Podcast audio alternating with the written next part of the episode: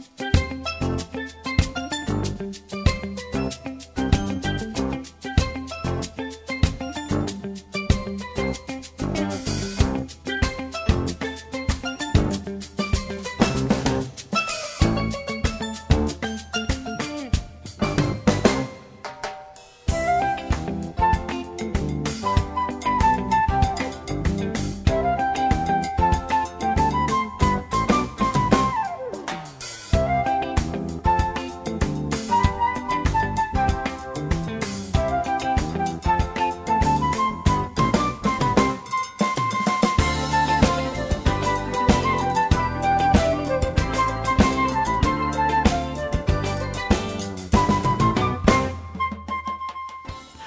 Ja, god morgon og velkommen og bildet langt i morgon.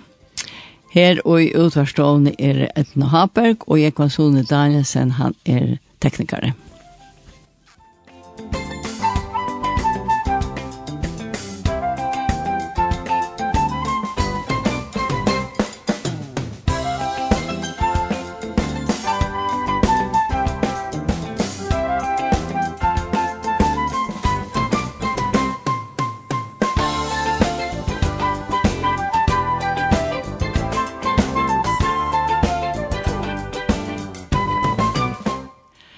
dag og i morgen har vi som vanligt i mesta skronne.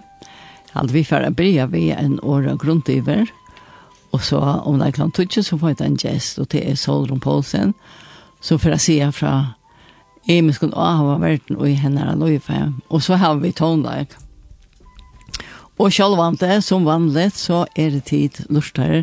Velkommen at sende sms inn av 2.13.24 vi sangisjen og vi mersingen, og til alt det godt å høre fra dere. 2,5 trus 13, 2,5 4. Musikk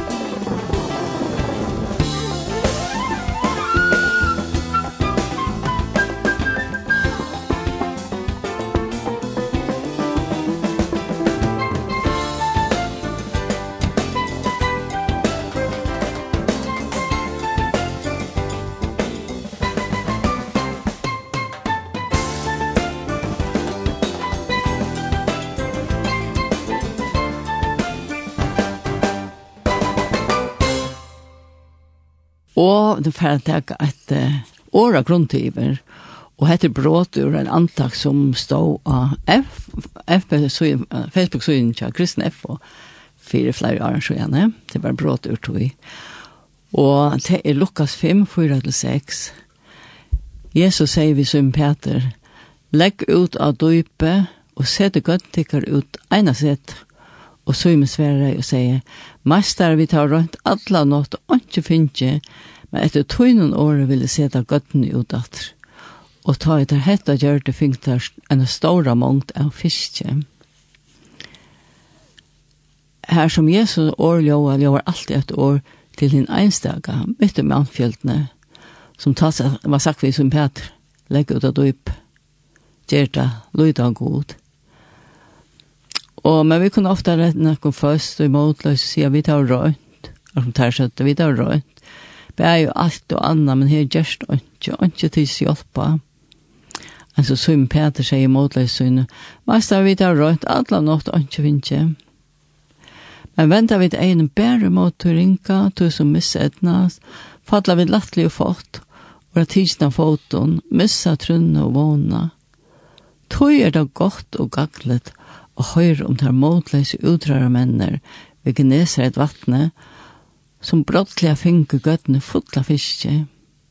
Jeg vet ikke om at her vi som en kan ha linte til bæra løyt okken sjolvun til å vitmekna, her er det meie som er større enn vit og som kan fylla gøttene, just har vi talt at alt er bare fullkomlig og vonlest. Det er enn og hesa støvn at årene og i morgen tala beinlast okkara, Ikke som herre på, men som en glede på, en mulighet. Mest ikke måte, røyn atter, selv om det er motleser, og ta ser, uh, ta ser ut til å være ikke å gjøre, så brått opp om armar, og fer under deg vi en jævlig hoppbore, trest i vån, selv ta det ser vån stund. Legg ut av døype, løyta med, du er vitt der, sier Jesus. Og ta kunne vi få at det som skal til for at loivet kan holde fram, eisen til at det ser mest vånest ut.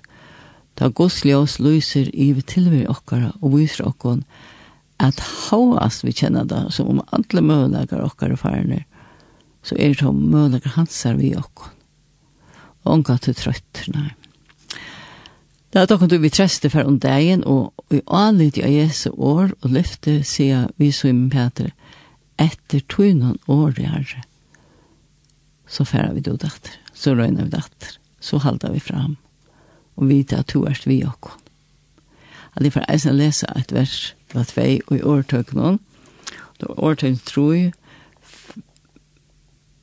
fem og seks, og til velkjent år. Løyt av herren av ødlo hjertet tøynen, men løyt ikke av hvitøyt. Kjenn han av ødlo leien tøynen, så skal han gjøre gøtetøyner rattar. At det er fantastisk år å byrja dagen i. Og vi færre at høyre en sang vi systron, og som kallas bæsja et år fra tær, og to brøyter alt.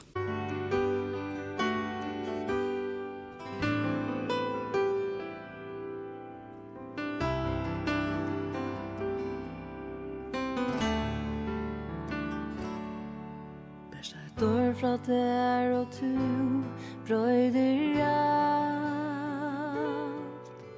Løyser opp og mine sal Talar inn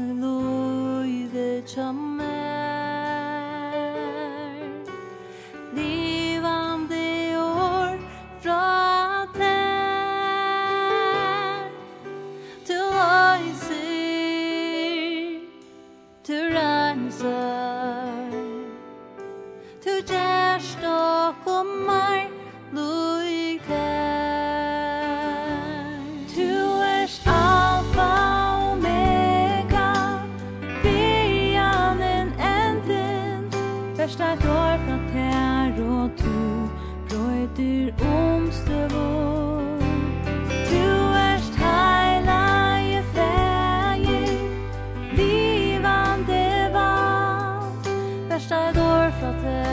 mot du Brøyt og jæver Først eit år fra tær og mot du Brøyt og jæver 照在。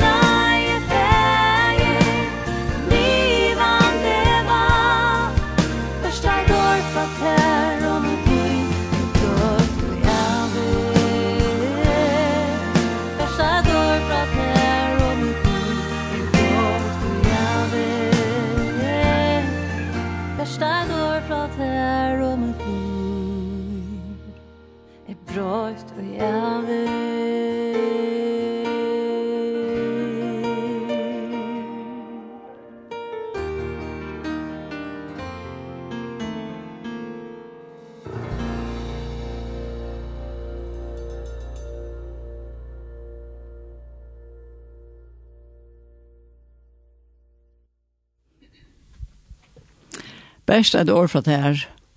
Och to brøyter allt. Det var systrar som sunker så innslige, Och Linde är skrivande sanger. Og nå har vi finnet en gjest, og til er Solon Poulsen, velkommen. Takk for det. Jeg får begynne med å lese sms som er kommet inn. Jeg tenkte, gled meg å høre til Solon og til Edne. Det var spennende. Ja, tvermekkene kvinner. Ok. Gjerne spille Ulf Kristiansson, Bære Onkransholm.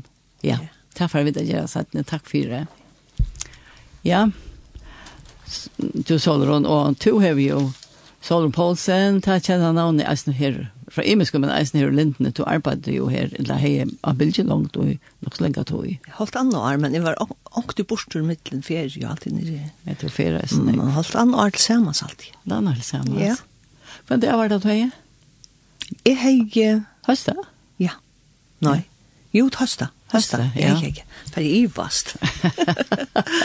ja, men du kommer ganske antar.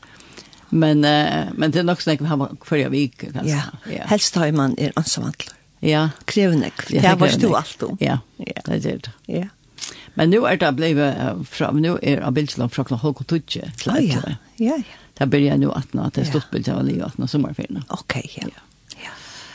Så ja, så vi tar igång, men du har ett år att börja vi. I halvt i börjar vi en år. Men då har man öjliga väl apostlasöna. Hon fortäller om ta första togina att han har Jesu verger. Sier så nekv. Det ja. som Apollo sätter gångt.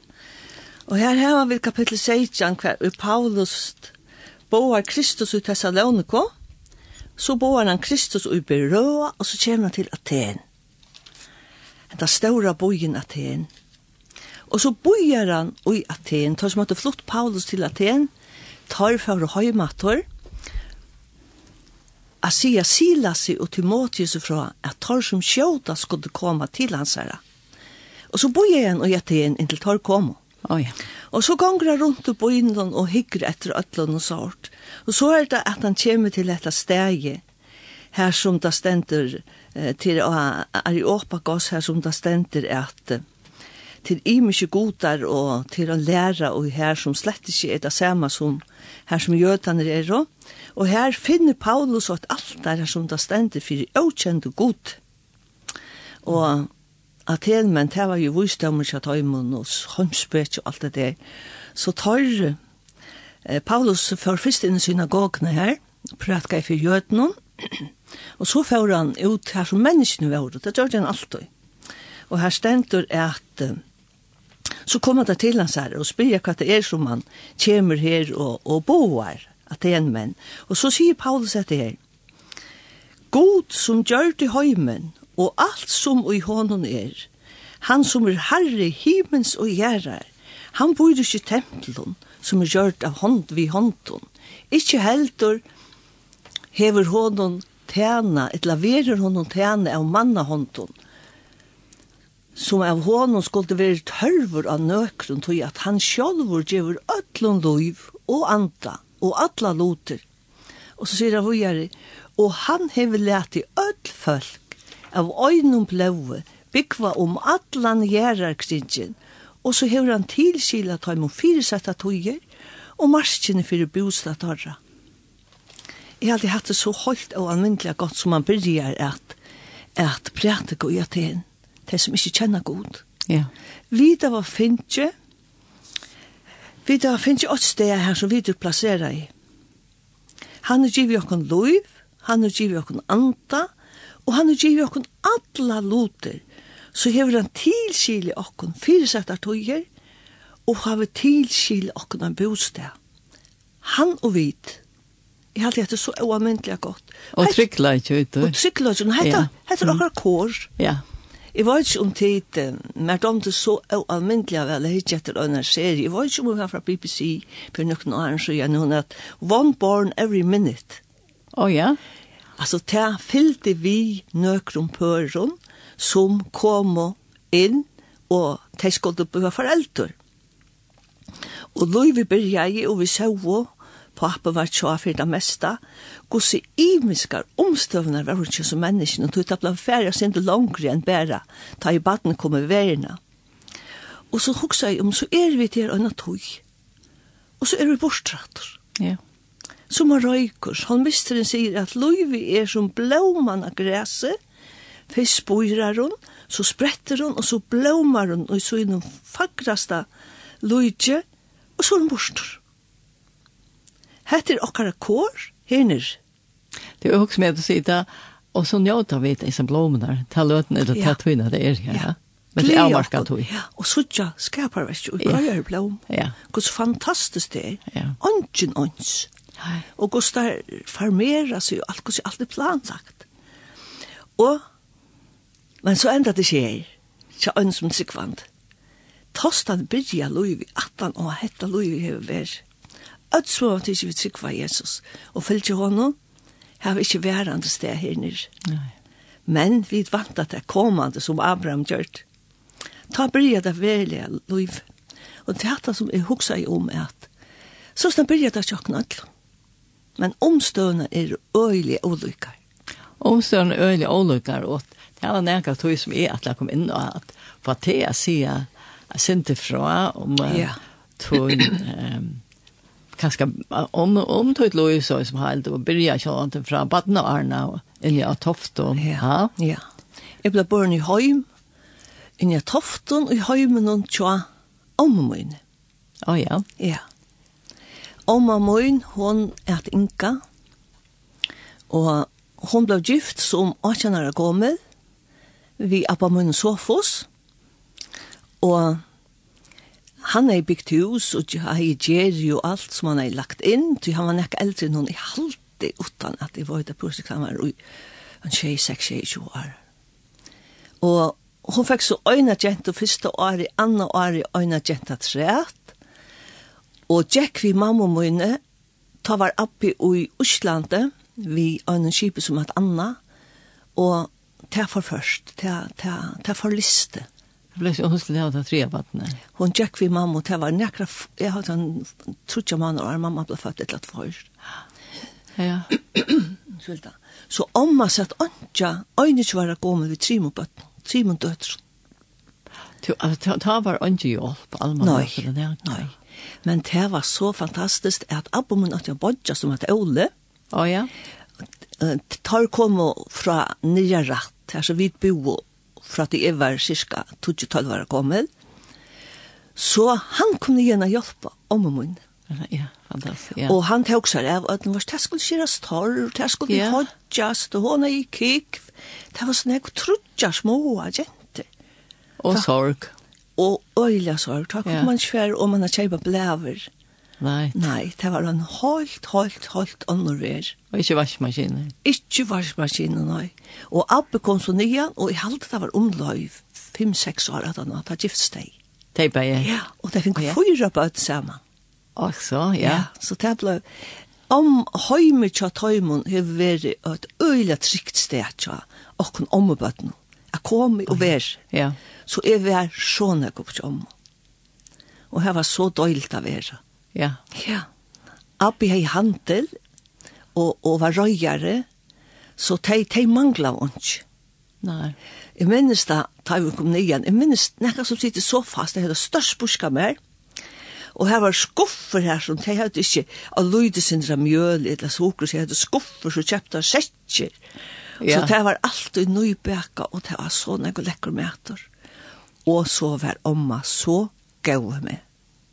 Jeg var først... Du for kjela? Jeg var for kjela, jeg var først til ommebatene boar atter. Å ja. Så jeg ble rett til henne for kjela, og jeg skal ja. altså si at det ble man ikke ha lagt det av. to dømmer om det. ja, ja, ja. ja. Så at Uh, det var nek sorg til omma. Det er så takk lenk omma. Altså til at jeg, mamma og omma mine, hun kom av løyere enn til nese. Og hon var ute for å missa mannen og sonen. Tar skildo vi oppnå båter fra Nølsøy inntil Innanes, og båteren gikk bort av enen. Og det var en øylig sorg. Så omma har jo øysen ja. opplivet av sorgen avur. Ja. Og så atter nu. Ja. Så det er jo nek sorg, men jeg vil ikke slett ikke si at det er mest til Louis Vuitton. Ikke det? Nei. Altså, hans, det var så oalmyndelig djupt for enkra i utrunne. Ja. At det bær, tryggvim bær. Tryggvim bær, Det er det som du kan stilga som krøtja di ui, det er det ordelig stender illa til. Det tryggvim til Jesus. Ja. Ja. Det er øyelige hentingar som får kommer fram, helt øyelige. Det var så øyelige nek, så miste mannen. Ja. Og jeg minnes ikke, nå har vi ikke kanada, men det var så nek var åndkjøret ofte. Ja. Ja, jeg minnes øyn fortalte det en son til en æra som ble ikke at, at han hørte ångte om nottene og så mamman græt. Hun ville krekva det for bøtten og ja. deg. Ja. Da jeg var ansammel, da kunne hun lukka som. Leta sorgene slippe fram med at. Det var øyelig tungt, og eis det å skaffa med til bøttene, ja. så rett. Men det var så fantastisk at toften ut av er æra seg, at man hjalp hver nøren da. Ja, det har vi for Da kom man hver nøren vi. Ja. Ja. Og så har vi også finnet, vi som er i bøten av fjørerten, ble jeg til å si.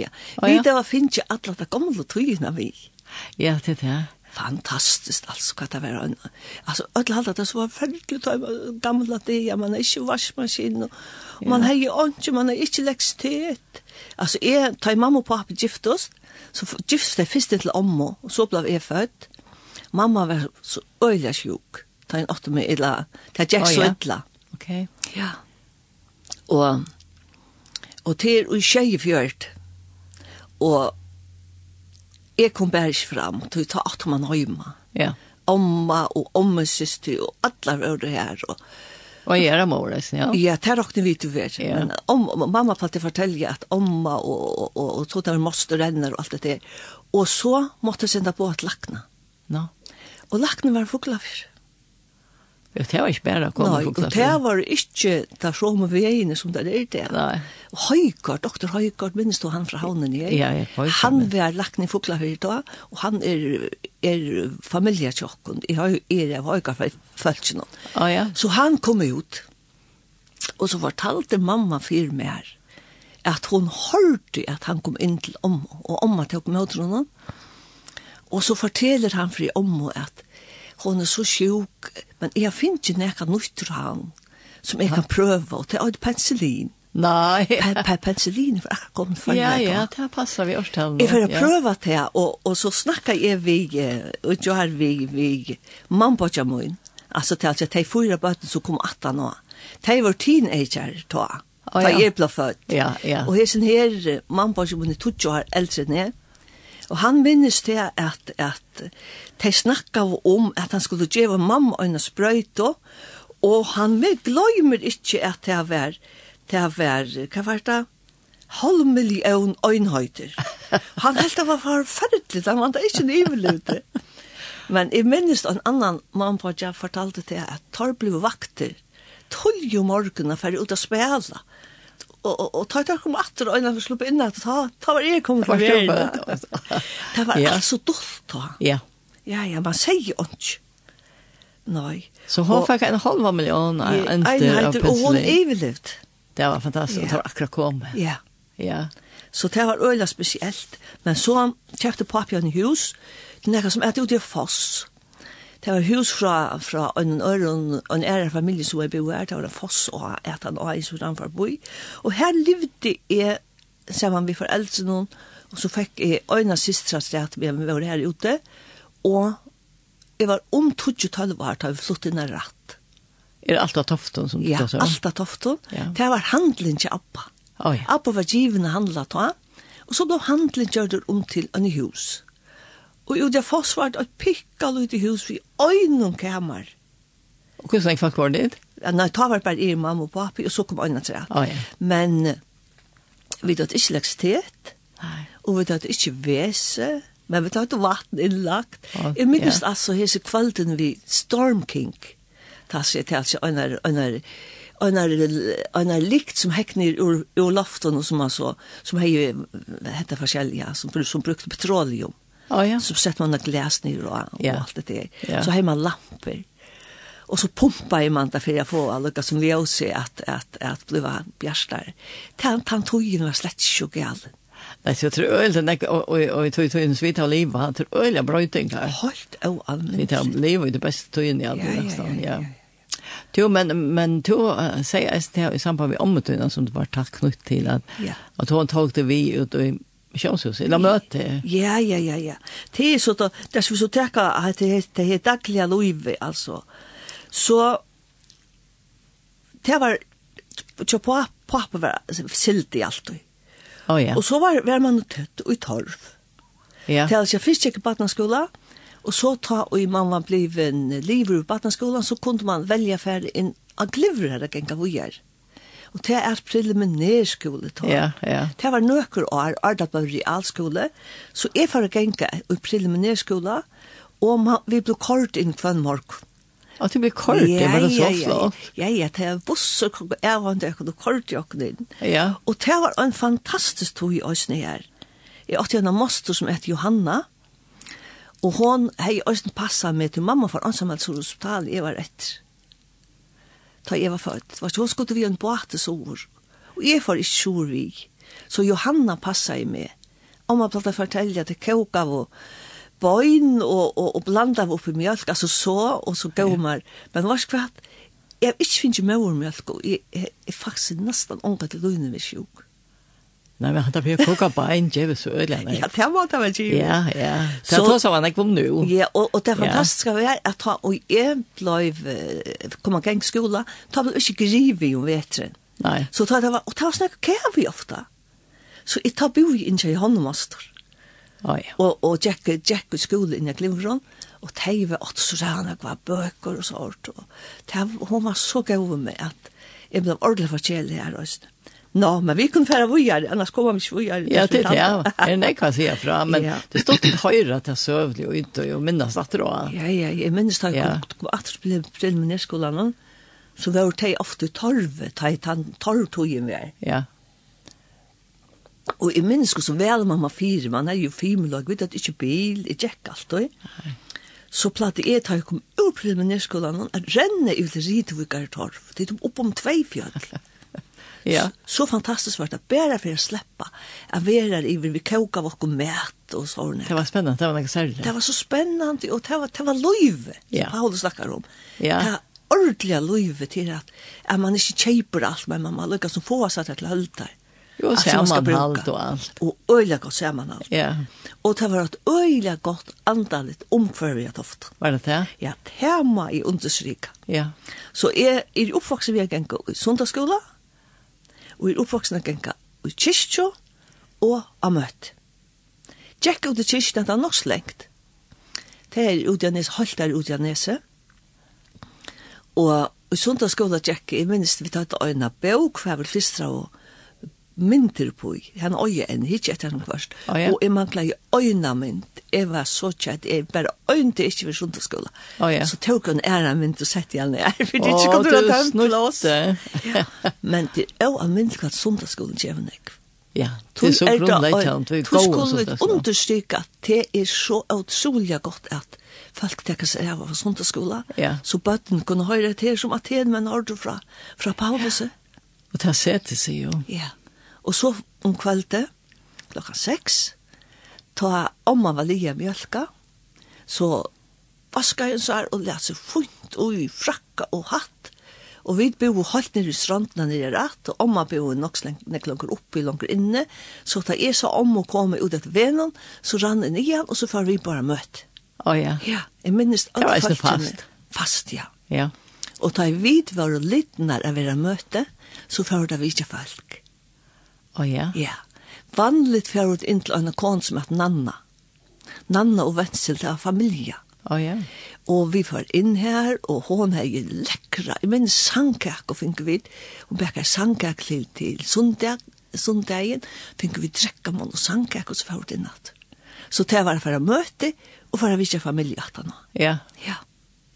Jo, men altså, du nevnte noe om at uh, her var en, jeg vet ikke om hun blir ikke misjonshus, men ens kom nere fra. Ja, altså det er jo, jeg, jeg spurte til øyn, øyn, altså det er kvinnen der, ja. som stod av åtta, og, og i misjonshusen, altså byrja, var det ikke akkurat nær og hver og hver, men kvinnen der hette en øyla større løyklot, og en som er at, ja, nu, nu var navnet vekk, Nei, men ja. fløyre av døymon, det var øyelig sikvante kvinner som samla av æra kvinner, og så kom menn vi, og menn var nesten alt bort. Ja, det er det, det var en bort. Og der stod fire at Birja Michelle mordla minne. Ja. Ja, ja.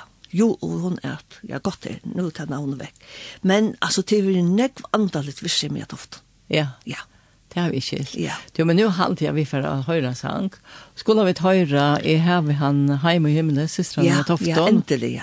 Ja. Ja, vi får höra. Ja.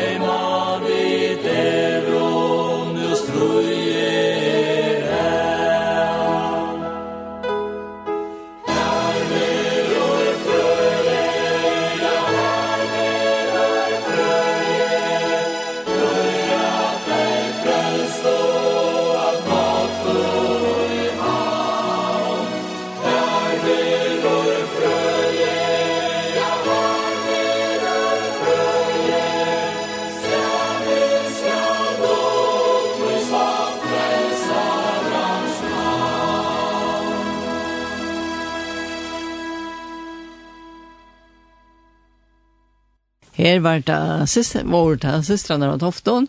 Jeg var onkel mann på Karøtt og jeg hørte, men det var der, og heima og himle, og her i utforstående, har vi kjent av Solron Poulsen. To Solron, og så vekst du kjallande, og så forstod jeg ganger til prest. Så får jeg ganger lese, kallar vi det da. At lese? Ja. Å oh, ja. Og til året var, eller tanken konfirmasjonen var Annese. Han har skiftet om mittelen, og Og så kom hun nekve konfirmanter, alle møvlige ses fra. Og så bodde vi der ute med en gengel prest. Å oh, ja. Ja. Og her kom en dronker undan jeg som var ber. ja. ja. Så at uh, vi lukka som kom at kjenne på en annan synte ta. Da det vi fyrstan år. Ja, ja, ja, ja, fyrstan. Ja. Så at, uh, og i det har vi vært gift, og vi oss under 28 trus. Ja. Så i Archan hadde vi godbrytlet. Godbrytlet. Ja. Så at uh, det var øyla spesielt. Det ble, ja. Jeg halte det ble bare 8 per, bortsett ur øyland. Ja. Det lukka som tar nei, vi fattar vera biltur og lukka som loja og kunna buss og fyrir tur til sedla treer. Ja. Og var det ta så sett man så inne og omkring det helt man blir øyn ja. Spennende. Ja. Man fyrsta nå. Ja. ja. Men uh, ja, som du sier, tid har vi giftsnegvar, så tid ja. Vi har så lengt lov sammen. Ja. ja, det her var vi. Det her var vi. Og, og det var spennende jeg gikk å lese. Vi lærte øyla nekv. Hvor var prester det? är er Paul Johansen etter. Å ja? Ja. Og jeg vil si at det, at det var en spennende tøy, og, og det var en alvarsom tog. Ta lukka som skulle man gjøre sine trygg. Ja. Personlige. Det skulle ja. Ja, og, og det minnes det at man huksa i nekvom. Det gjør man. Så det var god opplæring? Det øyla gav opplæring, ja. ja. Det vil jeg si, ja. Og, og man heier så nekva sundagsskolan, og man tjekka møte. Man visste så nekva. Ja. Jeg halte i det er det at kundløyken om hva stendt i biblene, det er sånn som skjevan. Man gitter seg til, og, og, og det gonger ikke. Nei, nei. Du måst vita hva Guds år sier. Ja. Altså, Guds år sier alt om et mannaløyv, fra byrjan til enda. Ja hvordan man skal være, og hva man skal gjøre, og hva man ikke skal gjøre. Det er man og alor for livet. Ja, det er man grunntarleie. Ja, grunntarleie skriver at du som skapt dere. Ja. Og så vil hava kan høymater her som vi her som vi ikke lukkar som slepp av okken sjolvun at han har syndafall. Nei. Nei. Og som vil okken ta besta. Det er aller besta. Ja. Kvønte. Ja. Ja. Bæra gaur. Bæra vil okken godt. Det tog jeg vil ha okken høym. At vi nå høym, Eh, ja, og så gikk årene, og ta i preliminær skolen av livet, så får jeg til havnar. Oh, ja. Og vanligt vær ta at man får i husplass. Ja, det var vanligt. Så jeg får i husplass, først så oppe i Heksvenen, så øyner familie Paolo Frank Jønsson. Vi er her i øyne tog, og så får jeg en skalabona. Ok. At vi er hushjelp øyne tog, at det her var kjennskaper med familien av Kjapier. Det taler som Per skilte i øyne de første årene, så vi sjøvst ikke så øyelig ofte, men det lukket som hele sambandet ble vilt over lykka. Ja. Så at, mm. så kom Per så til havnar, og for at eh, søkja seg akkurat læreplass, og han fikk læreplass til Frans Restav, og for å lære til Bekar og kondittare. Oh, ja. Ta ja. kommer vi lyckas som møyra samman. Det man kan säga så. Havna, ta var han i havn og, ja. och han lajar ju så samma vi Örntronsson och jeg bor i Skalabonen. Enkel jag fick arbeta i letting. Och här er du det, ja. Och här var det så i 13 år, lycka till vid, börja och okkar egna visst, alltså milnerna. Ja, ja. ja. kjenner alla milnerna som Per och Solron. Ja, hon, hon er ju till nu är ju sms kjøpte han av råk. Ja. ja. Men tann tøyen som jeg var i havn, lærte nek som uh, av er i husblås. Man skulle gjøre alt, va? Man skulle ja. passe bøtt, man skulle gjøre med, man skulle gjøre rønt. Og så tar jeg ikke om at det var netting. Det var en spennende tøy. Ja. Ta var det politikker. ja, ja. Men jeg husker at det fordi at jeg var en to opp her, og du er her, du lærer alt. Og så ble det gift, altså. Ja, altså vi ble gift med en evra dimmeletting. Og det blir det med Ja, ja, ja. Oh, ja. ja. Vi ja. blev vi tog rinko på at jeg var 18 år gammal. Oh, ja. Og gift oss da jeg var 20. Ja. Ja. Altså, det gjør man da. Ja. Ja. Og at det med letting var det var øyla spesielt. Jeg, jeg var ensam att kantor Nå ser man vi ensam satt innenfor en örn kantor Peter F Christiansen. Han var rocksteat rockskapar fører. Så han hejde til Iver Ornaja og så og så tok i med telefon og ordna råkninger og penkar og alt det forskjellige. Og jeg minnes kvann morgen, ta møttes forskjellige menn inni av kantoren og prata om politikk. Det er øyla spennende. Ja. Jeg har alltid vært en natur øyla forviten. Og det var så spennende, og man domte så vel her. Og vi er så lykka til vi blir av meldene. Ta for er at hjelpa Per. Så det er ikke bare bare starta egna fyrtøk. Nei, nei. Det er krevjant. Det er krevjant, ja. og vi byrja så i okkar egna sethusen, så vi hadde byggt oppi Tjatnala. Per og jeg, eller Per, hugsa i alla tøyna om han skulle byrja fyrst i sjálva, så ta i vi bygde husen, så blei tjattlaren bygde så høvor, at man kunne gjøre visst. Å oh, ja. ja. ja. Så han ble innrettet til bekara visst. Men du er ikke lov i en sånn bosteg kvarteret som her oppe, at det var nekkan handel. Så vi byrja av åkt, ja, at dansken øyte en grå bækarøy. No. Og et høylsøde søde. Ja. Hver og vi bækka av, vi lødde dette til som ble innflott fra Danmark for det meste. Eh, Drudlekaker og lavkakebottnar og smakaker og rørekaker. Det var det som vi får gjøre og pakka av alt inn og så sendte det i handlarna og det ble til rundt alla fyrjar. Og vi var, vi var tutsju folk i arbeid oppi av mellene, og gjennom tjallara. Det er at mellene langt, ja? Det er at mellene. Da fikk beina ved henne. Ja, ja, ja, Per var ute. Ja. lukka som spyrja frøskaparsretsen, altså, så etter hans Vinter Poulsen. Oh, ja. Om hvert han held, man skulle kalla, det er alt det at tja Andreas i Køkebøen, tja Frans og alt det der. Ja. Men han hadde hatt et et særstak navn, og tar funnet seg fram til navnet Milnan Ja. Og så fikk han igjen skampan at tekna en gamla føreska milno driven av, av, av vattnet, varst du. Så det er oh, ja. som stender upp i milnen nu er uppe och som sms brukar. Det er ta milnen som Jens Kampan tecknar i. För att Arheld vet du vad cirka? Ja, jo, må jeg Milna sitter öjla vid allt han navnet. Ja. Stort och bra att man vet hva det är. Ja, alltså, det ser man inte, ja. Ja, ja, ja. Alltså, vi var ju nirri ui tjatnala i tutsjoar. Var det det, ja? Ja, og så ble det for lute, så får vi nian og bygto. Det er altså, vi får at P4 sørt om hver ui grundstidje kunne fåast a bytja og bekka rui. Ja. Og snakka Gunnar Høydel, da, det var han eh, her nirri av Bøyranen, ja. ja. Og, og tar funnet og et, et, styrke her oppe, ta var det faktisk øyelig for seg sjolvane, for det er noe tettene rikke her. Ja, ja, ja, ja, ja, ja, ja. Ta, men det var å begynne jeg bytja uibo av blokken der her oppe. oh, ja. byrja brekk og, ja. ta jeg å komme hus opp, men, men det var altså nok så nekv områden her som var ikke hus for. Men her ble så bygd, og det hadde vi i området i 15 år. Ja. Så at jeg halte det var utroi, ta gausvidt ta for i til Norra geng av misjonsskolen. Ja, altså det er hardt arbeid her på Garoi. Altså. Hardt og almindelig hardt. Det var åpe tjej til den vikna, ja. fra tjej om morgenen, og til klokken 11 om kveld. Ja. Så at og det er tilbake til årene, ikke? Ja, ja, ja. Det begynner vanligt klokken 2.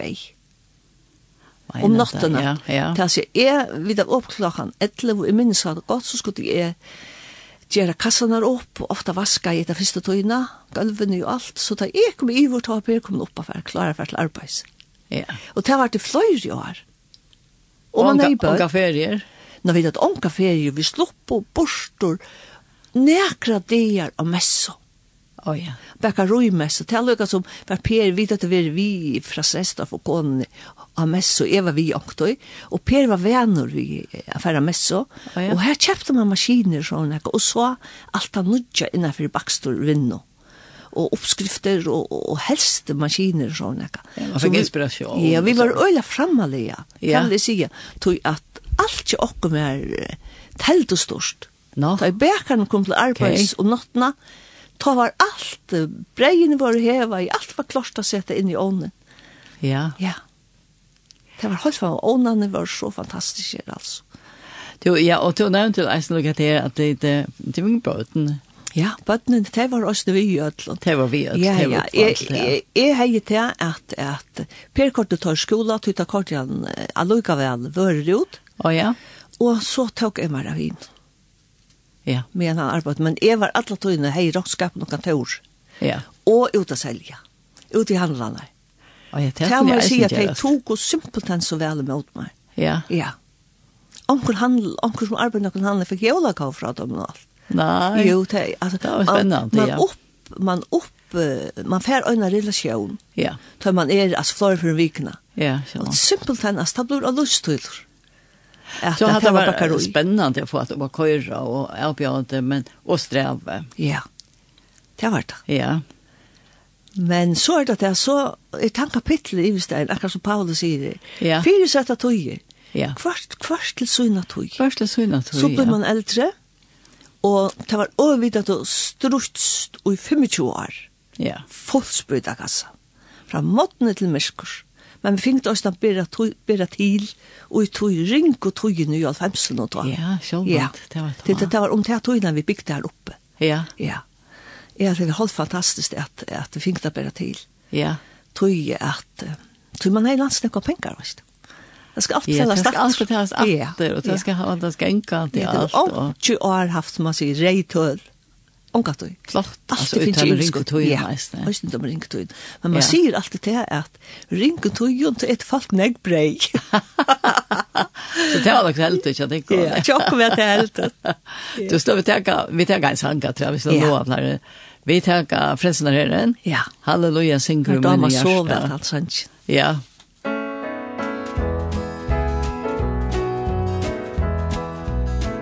Halleluja, synger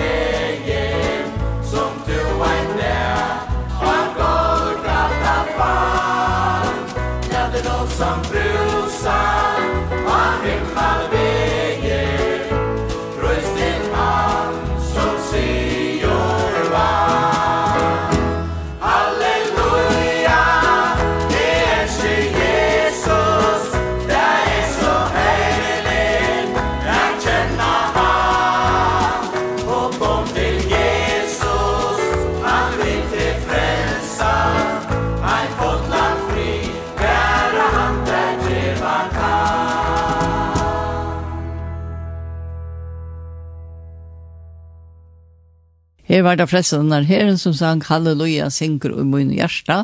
Nu får vi ut och prata vidare med Solron Poulsen.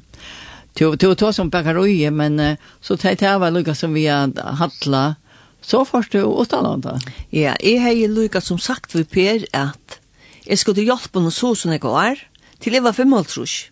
Och det har du sagt på den veien? Det har jeg sagt på en den vägen, tog At jeg att börja såret, Jeg har alltid ofte lika ringt at enda da. Ja. Så man kan bli vi inte man ligger rätt då. Ja. Känner du? Jo. Nå, no, så är blev fem trus i sig på Alltså nu nu vill jag släppa prova och stanna.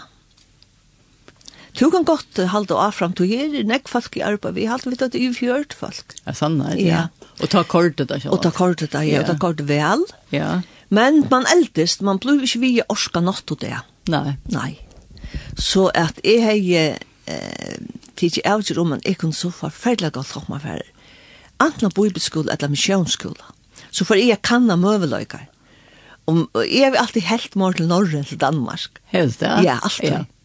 Så at jeg skriver til imiskar bibelskolar i i Norra, og spurte hvordan det var å komme inn til øynene, som man ble fimmalt trus og alt det der. Ja. Og jeg fikk svær, og så valgte jeg fjellhauk, jeg færre fjellhauk i Oslo. Ok. Og så tog jeg jeg lukkar som lise faktisk til som det leser av bibelskolen om åren.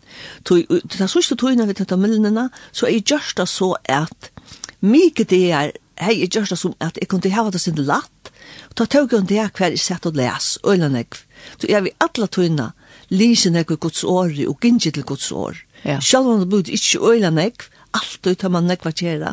Men to vibbelna at du kan alt lesa, til en sin. Ja, ja. Så at jeg les den, så fikk, jeg fikk jeg meg ta mikedegin, hver er sett å les mer enn vanligt. Og så bestemmer jeg meg at Per, nu får jeg til fjellauk. Og ta var jeg 5,6, nesten 6,5 år. Og så fikk jeg plass, og så får jeg ivor. Og Per, oh, ja. per kom vimmer, eh, til året det er at misjonsskole, og det var faktisk en utbygging for deg som for at driva, skulle driva misjon. No. Ikke en bibelskole for å lære ungkopp, men vujere faktisk fra en bibelskole.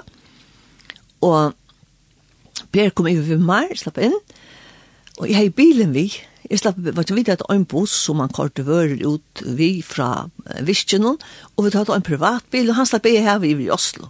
Ok. Så først yeah. måtte jeg vende meg køyre, og jeg har sånn ringveier. Og det er tar køyre så kjøtt, jeg måtte ordentlig ha tunken av mitt i munnen. Så jeg brukte den bilen nok snakk, og jeg kørte forskjellige steds, og man, vi kørte om en misjonssalen her, hørte vi, her var det antall i høyme som skolen hørte til, så her var det møte, her var det bibeltøyma, og Og annars var nekv andalt vissi med skolan, og mykje det høyde vi, høyde vi, altså, kvöld hver, og vi samla oss og hadde møte, og så var det forskjellige stess. Vi var med sjønsfer, hver vi fjord til nekva var bojer, og, og fjord til stranden i norra, altså vi fjord og vestretter, og høyde møter i fløyre bojen, og, og og bo i Imsastene, og det var så helt fantastisk spennende. Var det det? Ja, ja. Og det tenkte jeg også vel med dere. Ja. Norsk Luthers misjon. Så det var så spennende. Og Per kom vi, han, jeg hadde vært var en trutja fyra for i Vitsheim. Så ta var det, han avslutta, eller vi avslutta av millene, og så kunne han komme i fra Vitsheim. Men han yngste dronken var ikke så stor, men han kunne akkurat annan passa med vi var her i. Så at, det var en oalmyndelig djevande tog, og mamma saman lært nekv. Jeg slags trut. Altså om misjon? Om alt med limmene gjør. Okay. Nekv om misjon. Du lærte enda desto fast først til Afrika, altså alt av laknalia, sprøyta og sjuker og alt. Oh, yeah. Og det som vi gjør noen ginko, så vi gjør noen ginko rønvarja brev. Vers for vers. Og da hadde vi kvønt det så snakka tvær tøymar, og så var det misjon og så var det alt mulig annet, og kyrkjesøv og alt det forskjellige. Men det var en god skole i fjellet. Så du fikk snakk på skjort? Ja, vi begynte av dagen, vi kvar nekva var, kunne samles til bøn, og, og bøybelester, og en skolen begynte jeg. Oh, ja. ja. Og så om kvalitet, og alt, alle mm. bølgene som blev, så man kunne være oi og, pr og prate vi alle sier som gikk og en 200-300 folk, ung folk, det er så nekv. Ja, det meste var ung, men det var eisen nøkker tøyne alt, ja. Ja, altså de som gikk om misjonsskola var ofta eldre, så ja. de fokuserer på for ut misjon. Ja. Ja, ja. Så var vi, vi var eisen og av stevne og i Sover Torsland. Okay, en sånn ja. misjonsstevne. Ja. Og det var spennende. Det ser man vi falt jo fra ødlen høymen det var simpelthen vi tatt en undervisere som underviste og så fortalte de om misjon og kom og fortalte fra ødel og noen hei du vet hvor spennende det var opp vi fører vi buss fra Oslo og karte iver Svøretje nye til Danmarkar og så nye til Sovertusland og her var vi så i Ønavik og misjonsstevn Åh, oh, det var spennende. Du har møtt mennesker fra missionærer ut med London. Atlas Desraja, ja. ja. ja øyelig av undervisning og godt sammen alt. Og, ja, ja, ja. ja. Det var det. Ja. Jo, men du har ju ikke kvar vitja med den värsta skolen. Ja, ja og vi kunne komme vitja med. Ja. Ja, med alle han. Jeg har alltid inte hunnit klänka ut om, om en nevne det. Hun kom över vitja med. Og hun ble en åndsja. Ja, ja. Så att hun, hon fikk, jeg bor ju öjla gott fjellhaug, her bor man, og jeg har et størst rum, faktisk noen lille uipo. For det sjølva? Ja, men så har man etgang til køk. Oh, ja. Faktisk var der kamer og stov og sånt. Så om medan hun fikk så kamer, så kom hun av vidja med, og vi er her i nekra dier, og, og det var helt fantastisk stått litt, og, og jeg minnes det at Ja, at hon var vi til eh, om kvöldet og høyde ofta av samlingar sort og, og øyla godt til henne i Østland kom i vår og, og kunne være vi og tog som fyrga gjekkst her. Ja. Ja. Mm. Utan at vi pjøsa for en arrin og teka ganske. Nei, nei. Så kom i heimator og så lukka som hei er nøkker arbeid som er lost i av eh til seg jeg faktisk fikk man ikke et fast arbeid at man ble avløsere. Ok. Ja, at du kan skrivere og, og, og imsastene og ah, ja. plakkershøymen. Her var det nok slånge, skrivere plakkershøymen, tatt om man øyelig av alt. Og annars er det bare så ok som er kommet bare veien. Som, og, og ja. annars har vi arbeidet innenfor et antall i morgelamen. Ja. Ja, og passet mot høymen. Ja. Ja. Alltså du er vært uh, nok aktiv har vi intryck. Ja, altså, alltså tar man hur vi av missionsskola. Ja. Så blir så blir ju några ut der. Ja. Ett ett rock Og, og så har du hva bruka det som du behöver lært. Det är anbøyen du finns. Og, och låta vi ånder. Og låta vi ånder, og man man lukka som kommer så djupt inn i skriften og sier så alvarsamt løyvi er. Ja. Løyvi er ikke å spille. Løyvi her er bare en fire røyking til det livet som kommer at han var. Og, og kjenner du skriftene, så var ikke du til at det var vi eier. Og det er så er alvarsamt at man bor en båskap som er rattor og som er sannor. At det tveis du er. Anten vi er ferdig fortapt, eller ferdig høyme i, i, i gledene. Og Jesus, altså han som teker og, og leser det som Jesus byrja vita i ham kommer fram, han, han sier det så avmyndelig klart. Og det må boast som det, som det stenter. Man må ikke lukke som gøyma nekka av Man må si det akkurat som det er. Man må sige. Ja, man må at det som stenter skriv. Ja, ja. ja. Og det er det som man lærte så vel her i huset. Og klokka hon gonger. Klokka hon gonger, og du er at det er eisne jeg få at det, men nu er ikke vi brått det av. Og man tar en sang av træt som du gjerne høyre, og så at det er få at jeg sier noe om um, sjåmannsmisjoner. Ja, nemlig, ja. Jeg vet ikke om det er annet to gjerne vil ta med året. Det er så øyla, nek. Ja, det er vekk. Ja. Nå er jeg på skola, og så kom jeg hjem, misjonsskola, så kom jeg hjem etter. Og, og så ble vi pensjonister, Mørla minne, og, ja. og at han er i li og arbeid og sånt. Og så er det tant tilværen, da man blir eldre. Jeg har det Som det er tøtninger mye, at man hever nekka a gengo på, og hever nekka kvila og at man blir gammal. Ja. Etla eldre. Nu blev vi fem halv vi av fyllatt. Ja. Men jeg skal si at det är så sista åren är det mest spännande. Det är fantastiskt. Du, du förstår att granska ting ja. og røysa vidt av rationella. Vi vet att noen bøybel og ferier og ja. det er så spennende ja. å komme rundt i høymen. Altså, altså jeg, jeg vet ikke om det er inspirasjon fra Paulus da han Jacker men altså, jeg att hvordan det er i ødle London, og hvordan det er, her var såna godstyrkan, hvordan annerledes det er. Og Allikevel er det den samme Jesus og den samme ja. god, det er sånn bibelferie. Man kjenner einlaga. Ja, og altså, man kjenner øynløyga. Ja. Jeg, vi var en mann og kina. Altså, jeg sudja til jeg, jeg var så frekk at jeg hei krossen, altså, om, om olsen. Men jeg gikk ut i Beijing og alle steds. Jeg sudja folk, bare at så krossen, hvordan det sette yes. Meina du? Ja, fløyre. Var du her, altså, altså, og kjenne søvnene til Tøymon. Jeg gikk av fjellag vi øyne pære, han var uslendare, hun var fra Frankarudje, og de var gift, de hadde hist, hitst, altså un, ungdom i oppdrag, oh, ja. de var ung, og de var så ut som teltmekere. No. De, de hadde vært fjellag, og jeg gikk klasser med dem. Og så var jeg opp her i hver av ikke av dem, og i måneden. Vi får øy måne i Kina, vi får først en rundrøys i Kina.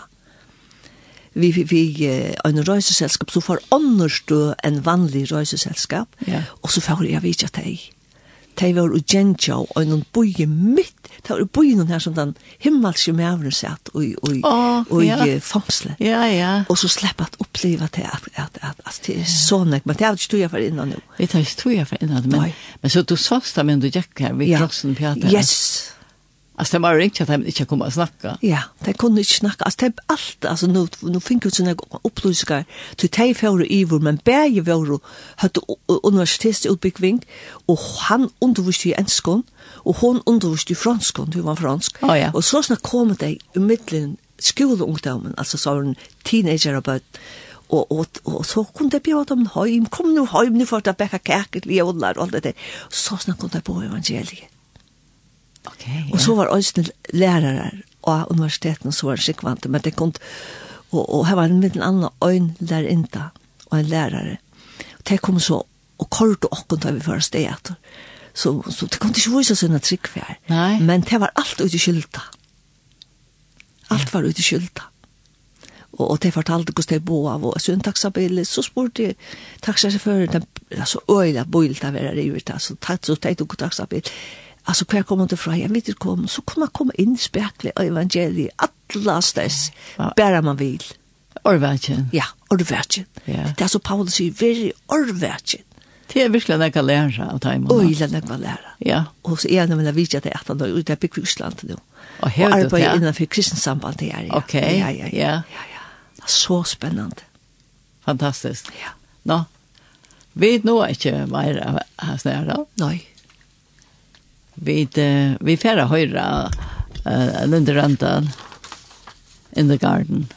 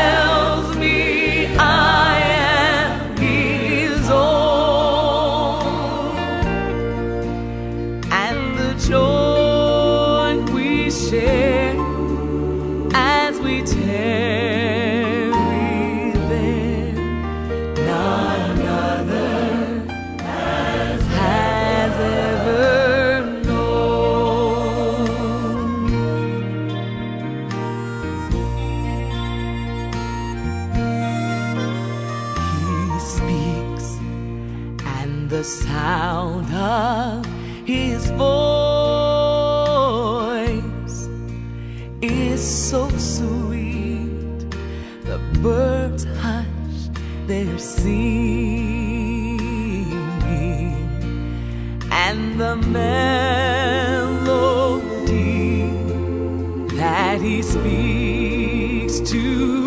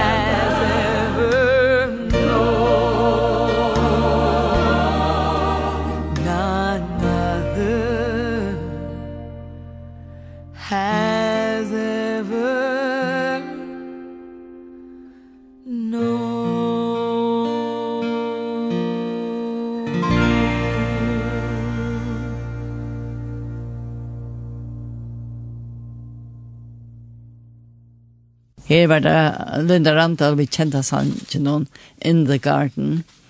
Og videre vi har kommet enda hvis vi prater vi med Soldron Poulsen, men jeg har på det å si jeg sinter om sjåmannsmisjonen her som du er stedet for jeg visste Ja.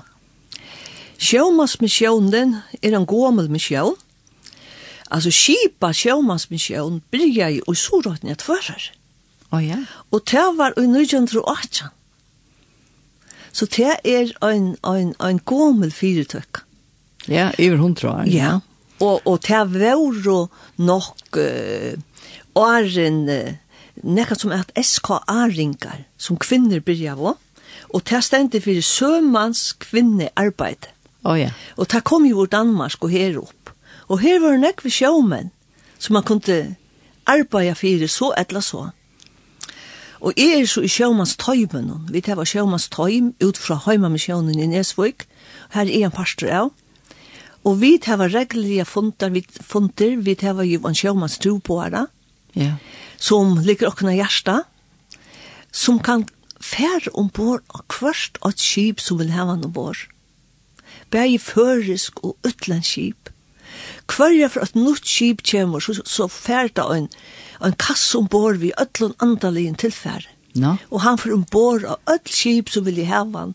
Og her er, er andakt og her er møter til å se ångte sjånars, sjånars møter.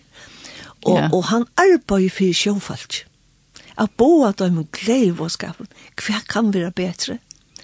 Men han såren tro på han var boa, man var boren og i bøen.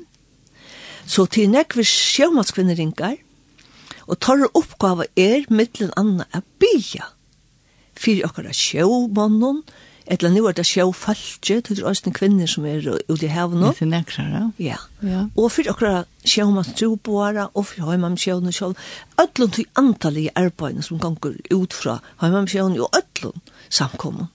Til det er ikke moner da. Nei. Ødlund tørva bøn. Så vi har en sjømannskvinner ring i havn, Altså, det er det til samans 35 virkner sjømannskvinner ringer i Farsjøen. Det har sett det dekka at at Morla men i allt ja. Ja, og alla sjómen. Ja. Varst og så hevur Torleif som sjómans trúboare dolt ut til okkun ringarnar öll skipini í førjuna bya fyrir. Men ja, det Og familjen. Hugsa om til kvørst at einasta skip í førjun som er sum forbera. Alle menn som er ombord og öll tei som er rundan omtar. Det er familien. Det er som sitter heima. Ja. Ja. Og så er det det som det mest kjent for, det er jo jolapakkene. Ja. Og jolapakkene som er barner ombord av hver skip, som fer fra okkara bridgekanti her, og er det til Ivors, så er det Østen Bornen oppa ombord av de utlenske skipene, med mittel er enn jeg russisk. Å oh, ja? Ja, han slipper ombord av russisk skip, Østen vi antall inn tilfære. Ikke alt, men nesten alt, ja. alltid. Det er en ordentlig misjon, ja. Ja, det er en veldig misjon. Jeg tror ikke vi vet hvor stor den er. Nei. Nei. Og, og så har vi en sjømannskunnering i havn. Ja. Og, og her er det vi som stod av fire nekka kvinner, og vi tar til den utgjørskvalget. Vi møtes annan kvann måned Og her er vi sammen, vi tar andakt, og vi synger andalega sanger. Ofte her har vi okkur som vi forteller fra misjón, etla vi får vidjan fra omkron sjåmanne som kjipper å fortelle jokken okkurst. Og så et av denne lekra måltøy og prata. Ja. Ja. Og kvinner kommer saman og prata. Til øyla tøtningar mykje at man hever omkran, omkran som man kommer sammen vi, omkran relasjon. Ja. Og her er det vi kvinner som møtast. Og til kvinner, så ikke bare fra okkur, men alle møyla seg fra. Og som møtast, ja. Ja, ja. Så han vet hon noen sammen. Og så, og jeg skal nemlig, så er det, altså kommer det med bøner evnen, og, og så ber vi med oh, ja. folk, altså det er, det er bare så døyligt. Det er en sinter ja. annerledes forum enn å være møte. Ja, ja. Man lukkar som hona sar oss sen ser man. Här så ser alla ska till og vi binda, nekvar binda nu til jólapakkarna til Christmas Child? Nei, nei, til, oh, nei, til Christmas Child òsni, ja. ja, ja. Til sjómans, uh, sjómennene, ja, til binda til jólapakkarna. Ja. Kakkun kunne öll gjer, og det er det gjer til òsni fra nekvar samkom. Det er binda og pakka jævla, og øyla viktig at man legger også antall til noe. Ja, en okkur, helse. Ja, akkur som viser av Jesus. Ja. Og, og så kan det beres, vi gjeva, man kan gjeva torrlefta, Han er i havn av og til, eller man kan kåre det om han og fiskmannafellet.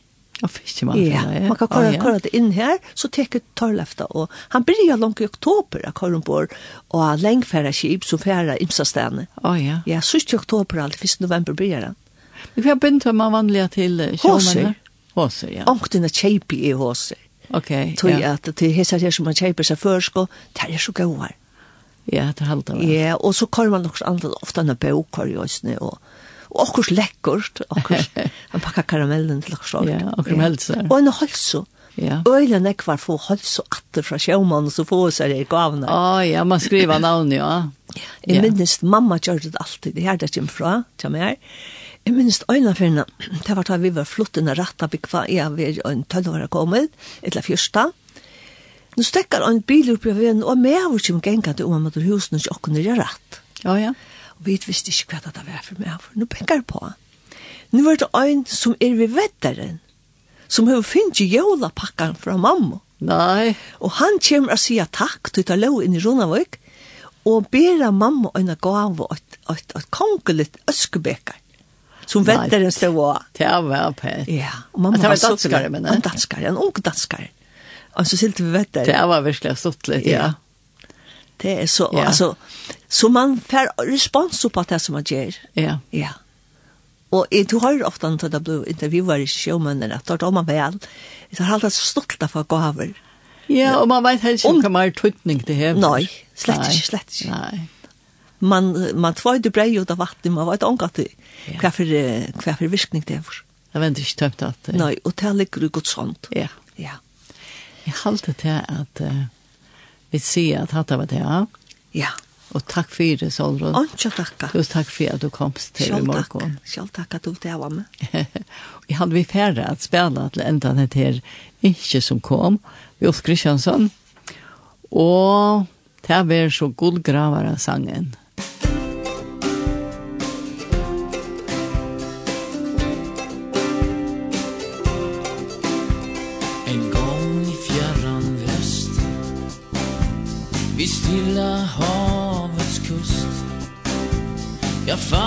själv en sommardag Mitt hjärta slog av lust Och snart med mod.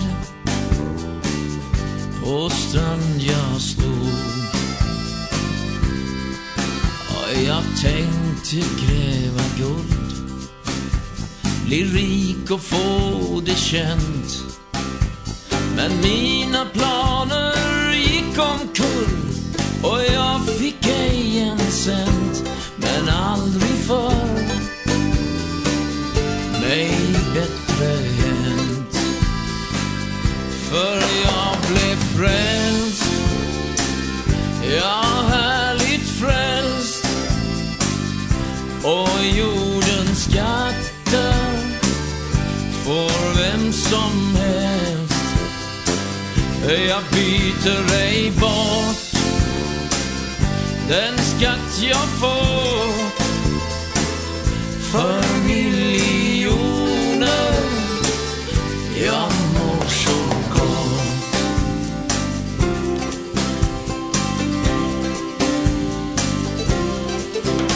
När jag reste hit och dit Att söka guld och glans Jag strävade med all min fri Att vinna ärans krans Jag ville upp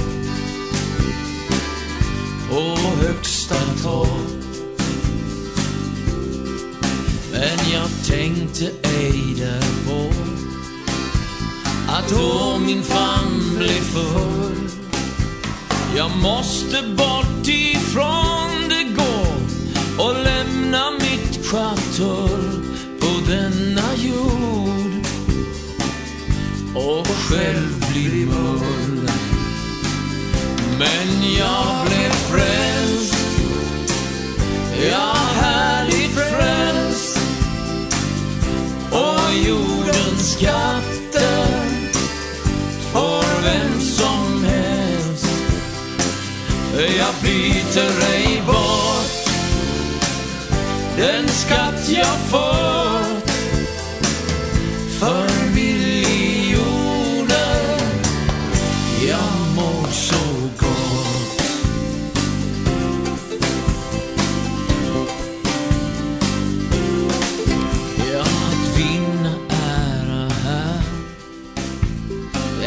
hotar jag ej stort. Mitt namn i himlen skrivet där Och genom himlens port. En gång jag går Och kronan får. För det betyder mindre här. Om kassan ej är full.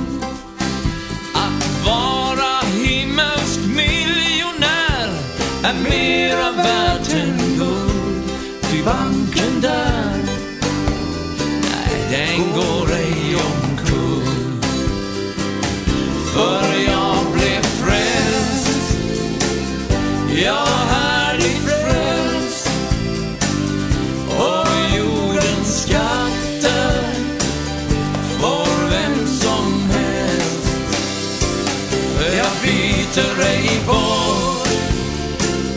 En skatt jag får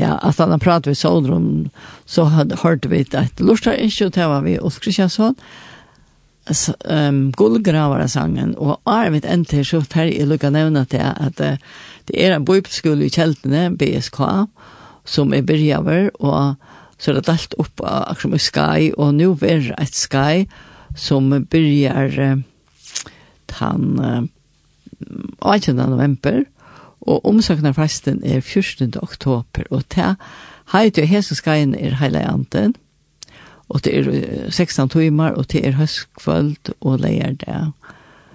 Og, og det er skrivet av heimasøyne, at heseskajen og fyrir vi fyrst, vi fyrsta leia tids etter heile antan som personer, hvor han er, og hva Bibelen sier om hans personleika, og Og i ørleie fer vi til hitje etter hele andans nerver og tjeneste og i løvne tjakk for en enstøkken tryggvante. Og i trea leie fer vi til å lære om hans herre verk og tjeneste som han ikke ut under jøkken som folk av hjørne. Undervisar er Olavur Jakobsen, og som sagt, så er omsøkna fresten 14. oktober til åmorgen, og skal jeg begynne 18. november, og til bare for inn av heimasøyna bsk.fo. Så, det var det, men nu halte jeg, nu er vi släppa solrån, at det får be at om, altså, sjåmanskunnen ringer hever, det er alt opp, man hever avvis, uh, ja. skip som man ber for, jeg har det be for. Ja. altså vi blir enda, vi hesar bønene. Det var ære bønene også, men hette bønene som, og til torla som knana. oh, ja. og alle ringene her finnes seg bønene, og så er det dolt ut til ringene, at skipen i fyrrjon. Nu skal jeg be etter bønene som vi tar finnes jeg be, og som vi enda vi tar etter hva skjer om oss kunne ringe. Og iverskriften er fra Matteus 6, 6, Bygge, så skal tikke for giv. Kære fægir, vi takkar deg for sikning tøyna, bæge andalige og handalige. Takk fyrir okkara sjófolk, bæg og nærløyun og fjærløyun. Vi bygja og Jesu navni om at du erst innanbora tja tøymon, at du verje deg, signar arbeid tarra og fører deg attur i öllum gavun. Lær deg, onsu okkon, at takka ter, at teka kvann det av tøyn i hånd, og at liva ter til æro og nastan til signingar. Hjelp sjófolk okkara, og okkun öllun at liva ut trunni av Jesus, så at vi, annarkvart vi liva edla dodja, høyra herran og til. Vi bia særlig fyrir Hesun Kibon, manningunon og tarra kæru. Vi bia fyrir Norrøno, vi bia fyrir Enneberg, vi bia fyrir Kongsborg, vi bia fyrir Tørsborg og fyrir Samson.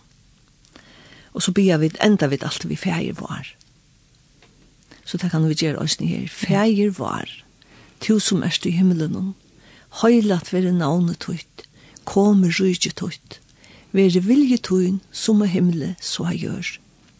Gjev okken i det akkurat daglige brei, og fire gjev okken sinter okkara, så som vid øysene fire gjev av tøymon som er de okken sinta. Og løy okken ikkje i frøstingar, men frels okken fra de ytla, tog jeg tutt i rujtje, valdi og høyren om atlar æver, og Jesu navne. Amen. Amen. Takk for det, og dette var det siste vi hørte i morgen. Så nå er uh, langt kommet enda. Og det som vi har haft, det var først hørt vi det år av grundiver, og det var et her om at uh, løyte av Guds år. Og så har vi tåst vi Solrum Poulsen, og det var egentlig av versteisene.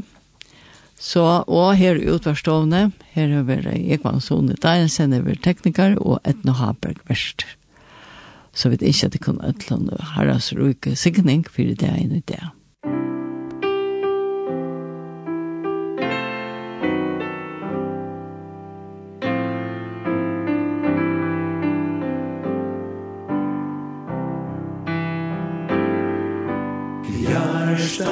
syngur ein lovsang til han Strush manning gaua so strutti van Oinchi hans bardi men gav hisu blå Oina ui strunum sigrande stå Nu rennur kjeldan krossin og fram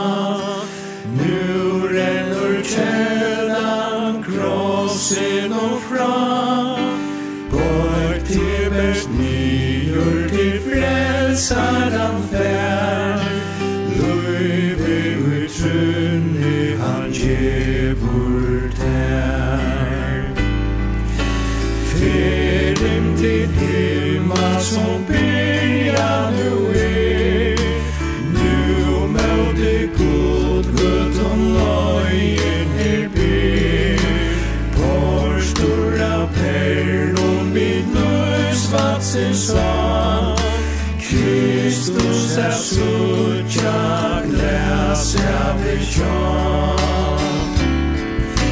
Kjøtt nu basu